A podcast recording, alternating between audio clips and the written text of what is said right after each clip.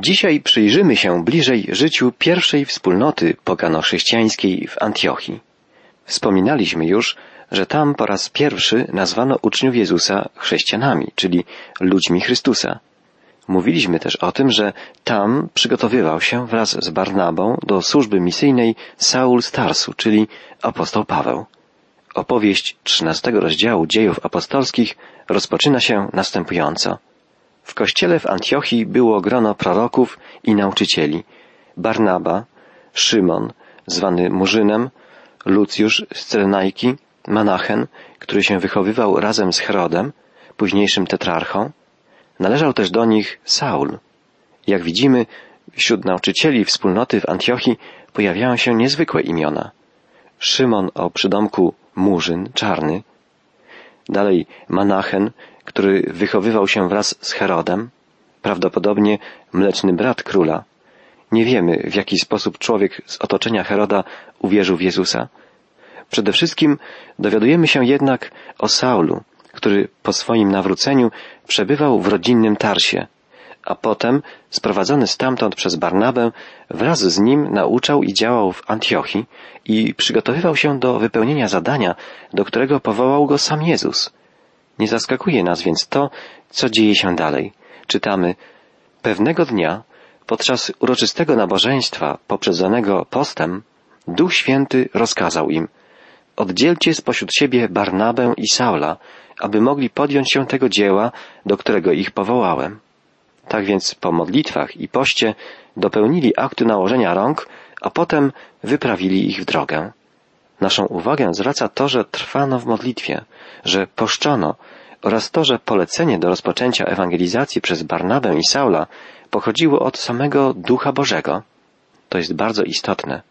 Oczekiwanie, przygotowywanie się, gotowość do podjęcia zadania wyznaczonego przez Boga, modlitwa, wyciszenie, wtedy Bóg może przemówić, może powołać, wysłać. Ważne jest też wsparcie, jakiego starszyzna i cała wspólnota w Antiochii udzieliła Pawłowi i Barnabie. Nie byli osamotnieni. Nie działali w pojedynkę. Zostali wysłani przez swoją wspólnotę.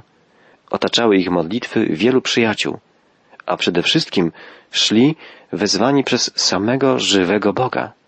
Barnaba i Saul, czytamy dalej, posłani przez Ducha Świętego, udali się do Seleucji, a stamtąd okrętem na Cypr. Po przybyciu do Salaminy głosili Słowo Boże w żydowskich synagogach. Ich współpracownikiem był Jan Marek. Rozpoczęła się, jak zwykło się mówić, pierwsza podróż misyjna Pawła. Wiadomo, że nie chodzi tu o zwykłą podróż, lecz o intensywną pracę misyjną w wielu ważnych miejscowościach rozległego Imperium Rzymskiego. Barnaba i Saul rozpoczynają misję na Cyprze, w rodzinnych stronach Barnaby. Pomaga im młody Jan Marek, nazwany tu współpracownikiem. I dzisiaj, tam gdzie rozpoczyna się lub rozwija praca misyjna, zawsze pojawiają się pomocnicy, tacy jak Jan Marek. Bardzo potrzebni są ludzie do pracy zespołowej, ludzie z darami organizacyjnymi, ludzie, którzy z powodzeniem rozwiązują nieraz trudne problemy dnia codziennego.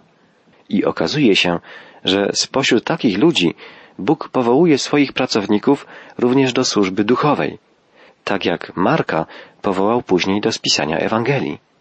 A więc Paweł, Barnaba i Jan Marek idą z Salaminy do Pafos. Muszą więc przejść przez całą wyspę Cypr, około 160 kilometrów. Czytamy dalej.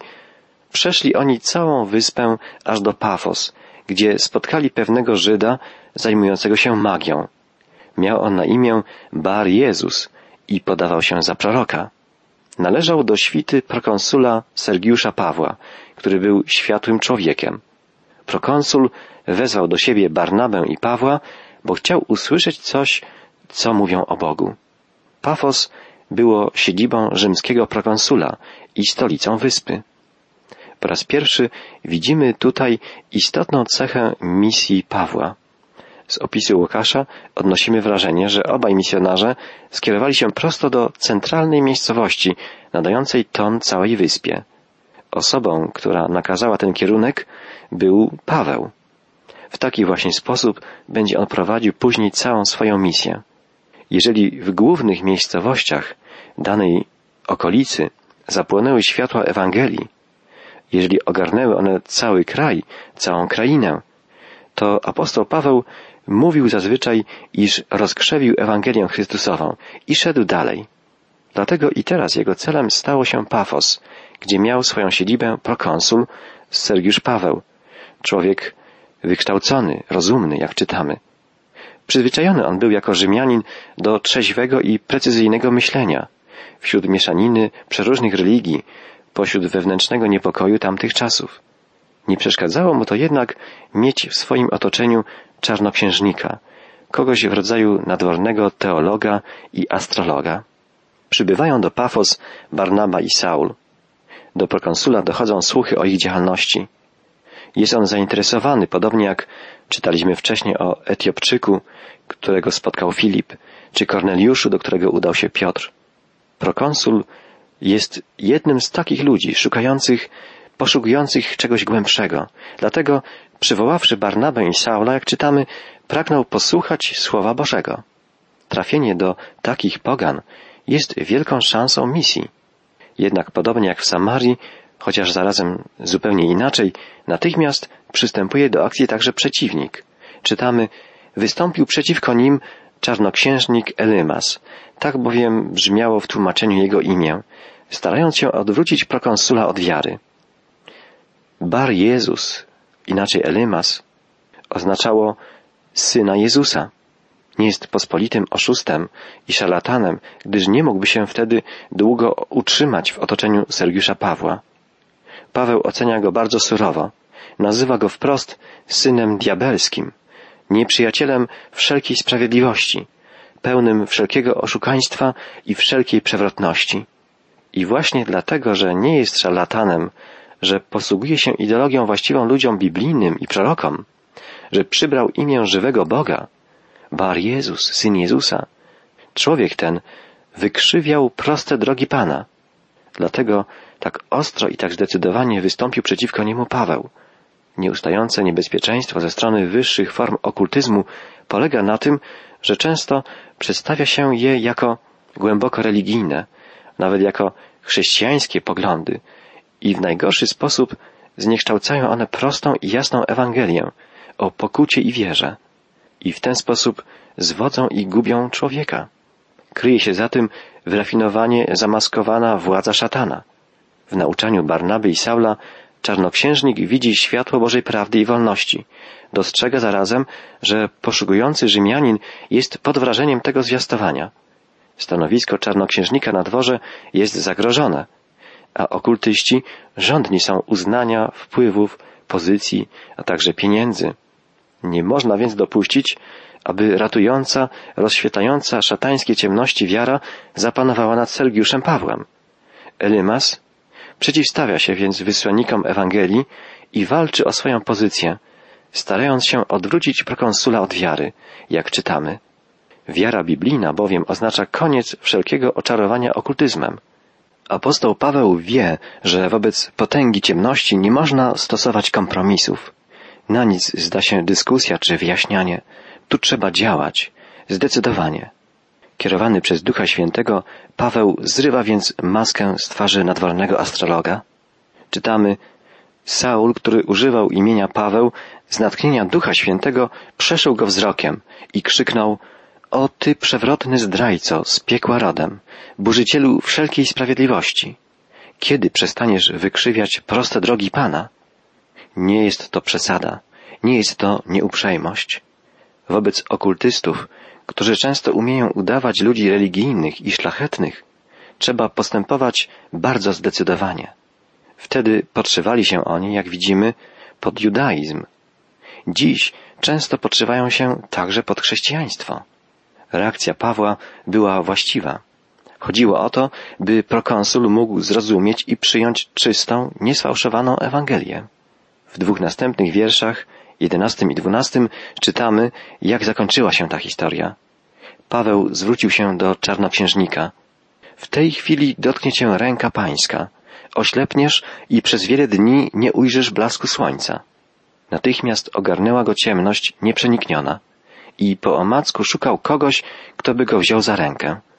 Prokonsul, widząc to, pełen podziwu dla nauki pańskiej, stał się odtąd człowiekiem wierzącym. Po tym pierwszym sukcesie misyjnym Paweł z towarzyszami ruszyli dalej, opuszczając Cypr. Czytamy, Potem Paweł wraz z towarzyszami odpłynął z Pafos i przybył do Pergę w Pamfilii. Jan Marek rozstał się z nimi i wrócił do Jerozolimy. Oni zaś ruszyli w dalszą drogę z Pergę do Antiochii w Pizydii. Tam w dzień sabatu wybrali się do synagogi i zajęli miejsca. Jako pierwsza miejscowość wymieniona jest Pergę w Pamfilii. Apostoł Paweł nie rozpoczął tu właściwej pracy. Ewangelię zwiastował w Pergę dopiero w drodze powrotnej. Pawła ciągnęło dalej, do środka kraju. Wyruszyli jednak już tylko we dwóch, gdyż Jan, Jan Marek, odłączył się od nich i wrócił do Jerozolimy. Łukasz nie podaje powodów decyzji Jana, ale słowo, którego potem użył apostoł Paweł, gdy wspominał tę rozłąkę, zawiera posmak odstępstwa, a wyrzut skierowany pod adresem Jana Marka, że nie brał udziału wraz z nimi w pracy, zdaje się wskazywać, że Marek po prostu uląkł się zadania. A oni z Pergę powędrowali dalej i dotarli do Antiochii Pizydyjskiej, czytamy. Jakże zwyczajnie brzmią te krótkie słowa. W rzeczywistości oznaczają one prawie dwustukilometrową, męczącą i pełną niebezpieczeństw wędrówkę przez góry, trwającą co najmniej osiem dni. W górach zamieszkiwały plemiona trudniące się rozbojem. Gdy Paweł pisał potem w drugim liście do Koryntian, byłem często w podróżach, w niebezpieczeństwach, na rzekach, w niebezpieczeństwach od zbójców, myśli zapewne i o trudach tej pierwszej wyprawy do obcego kraju. Wreszcie przybyli do Antiochii Pizydyjskiej, czytamy. Antiochia była ożywionym centrum handlowym na wielkiej drodze z Efezu do bramy cylicyjskiej, siedzibą władz cywilnych i wojskowych, zarządzających południem prowincji. Widzimy więc, jak na naszych oczach następuje coś, co przepowiedział Jezus. Zwiastowanie Ewangelii rozszerza się coraz bardziej. Powołany do tej służby przez samego Jezusa apostoł Paweł dociera do największych miast ówczesnego cywilizowanego świata. Wieść o Jezusie, Zbawicielu, Zbawicielu całego świata, staje się nowiną znaną w coraz szerszym kręgu wielkich miast i ludzkich serc. Paweł i Barnaba udali się w Antiochii Pizydyjskiej najpierw do synagogi. Był sabat. Jako Izraelici Paweł i Barnaba w naturalny sposób skierowali swoje kroki na nabożeństwo w synagodze. Czytano fragmenty pięcioksięgu mojżeszowego, czyli Tory, i fragmenty ksiąg prorockich. Po odczytaniu tekstów z prawa czytamy i proroków, przełożeni synagogi zwrócili się do nich tymi słowy. Bracia rodacy, jeśli chcecie przekazać ludowi słowa otuchy, mówcie. Na to wstał Paweł, dał znak ręką i tak przemówił. Słuchajcie, Izraelici, i wy, którzy macie w sercach bojaźń Bożą. Tak rozpoczęła się przemowa Pawła. Łukasz przekazał nam dokładnie to przemówienie, abyśmy wiedzieli, jak apostoł ewangelizował, gdy miał przed sobą słuchaczy Żydów. Rozpatrując treść tego przemówienia, które zaraz przeczytamy w całości, zauważamy istotny, charakterystyczny rys, który jest zupełnym przeciwieństwem tego, do czego przywykliśmy w odczytach, mowach czy kazaniach. Lubimy rozważania rzeczowe, przedstawiające w sposób usystematyzowany światopoglądy, dowody. Natomiast Paweł powtarza całą historię od początku, opowiada o czynach Boga i o tym, co z nich wynikło, a na końcu wzywa słuchaczy, aby uwierzyli w te fakty, to znaczy, aby nabrały one znaczenia i wagi w ich własnym życiu i w ich stosunku do Boga. Pawłowi nie chodzi o to, żeby sformułować jakiś teologiczny, dogmatyczny system biblijny. Chce po prostu przybliżyć swoim rodakom Bożą historię, rozpoczętą w Starym Przymierzu, a ciąg dalszy i wypełnienie znajdującą w Jezusie. To jest zasadnicza treść Biblii. Historia zbawienia, historia przymierza Boga z człowiekiem. Centralną postacią tej historii jest Zbawiciel, pośrednik między Bogiem i człowiekiem, Jezus Chrystus. Paweł rozpoczyna od wspomnienia ojców wiary, których wybrał sam Bóg. Czytamy od 17 wiersza 13 rozdziału dziejów apostolskich. Bóg ludu izraelskiego wybrał naszych praojców i nadał naszemu narodowi wielkie znaczenie jeszcze na obczyźnie w Egipcie, a potem potęgą swego ramienia wyprowadził ich stamtąd i około czterdziestu lat okazywał im cierpliwość, gdy wędrowali przez pustynię. Siedem narodów wytrzebił w kraju Kanaan, a ich ziemię oddał im na własność. Wszystko to trwało około 450 lat. Bóg wyznaczył im sędziów aż do czasów proroka Samuela. Potem, gdy chcieli mieć króla, Bóg dał im na lat czterdzieści Saula, syna Kisza z plemienia Beniamina. Gdy go odrzucił, podniósł do godności królewskiej Dawida i tak poświadczył swój wybór. Znalazłem Dawida, syna Isaja, męża po mojej myśli, który we wszystkim będzie spełniał moją wolę. Z jego rodu Bóg, zgodnie ze swoją obietnicą, zesłał Izraelowi zbawcę, Jezusa. Przed wystąpieniem Jezusa Jan nawoływał cały lud Izraela do pokuty, której znakiem był chrzest. Gdy Jan zbliżał się do kresu swego życia, powiedział, nie jestem tym, za kogo mnie uważacie. Idzie za mną ktoś, komu nie jestem godny rozwiązać sandałów na nogach. Bracia, rodacy, potomkowie Abrahama i wy, którzy macie w sercu bojaźń Bożą, to nam zostało powierzone głoszenie słowa o zbawieniu. Nam. A jednak mieszkańcy Jerozolimy i ich przywódcy nie uznali Jezusa za zbawcę, ale wydali na niego wyrok i tym samym wypełnili zapowiedzi proroków, które są odczytywane w każdy sabat. I choć nie było żadnego powodu, by skazać go na śmierć, domagali się przed Piłatem wykonania wyroku. W ten sposób spełniło się wszystko, co o nim mówiło pismo.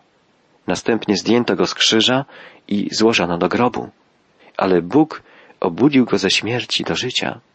Widzimy, że Paweł przedstawił swoim rodakom całą historię Izraela, wspominając Abrahama, Mojżesza, Dawida. Apostoł podkreślił, to jest historia zbawienia, historia Bożego ratunku, Bożej łaski. Bóg dokonał czegoś wspaniałego. Wzbudził syna Dawida, Mesjasza, Chrystusa, zapowiadanego przez proroków z martwych. Paweł mówi dalej, Potem przez wiele dni ukazywał się Jezus tym, którzy z Galilei przyszli razem z nim do Jerozolimy, a teraz są jego świadkami wobec ludu. Przynosimy wam więc dobrą nowinę, że tę obietnicę daną praojcom spełnił Bóg wobec nas, ich dzieci, przywracając Jezusa do życia, zgodnie z tym, co zostało napisane w psalmie drugim.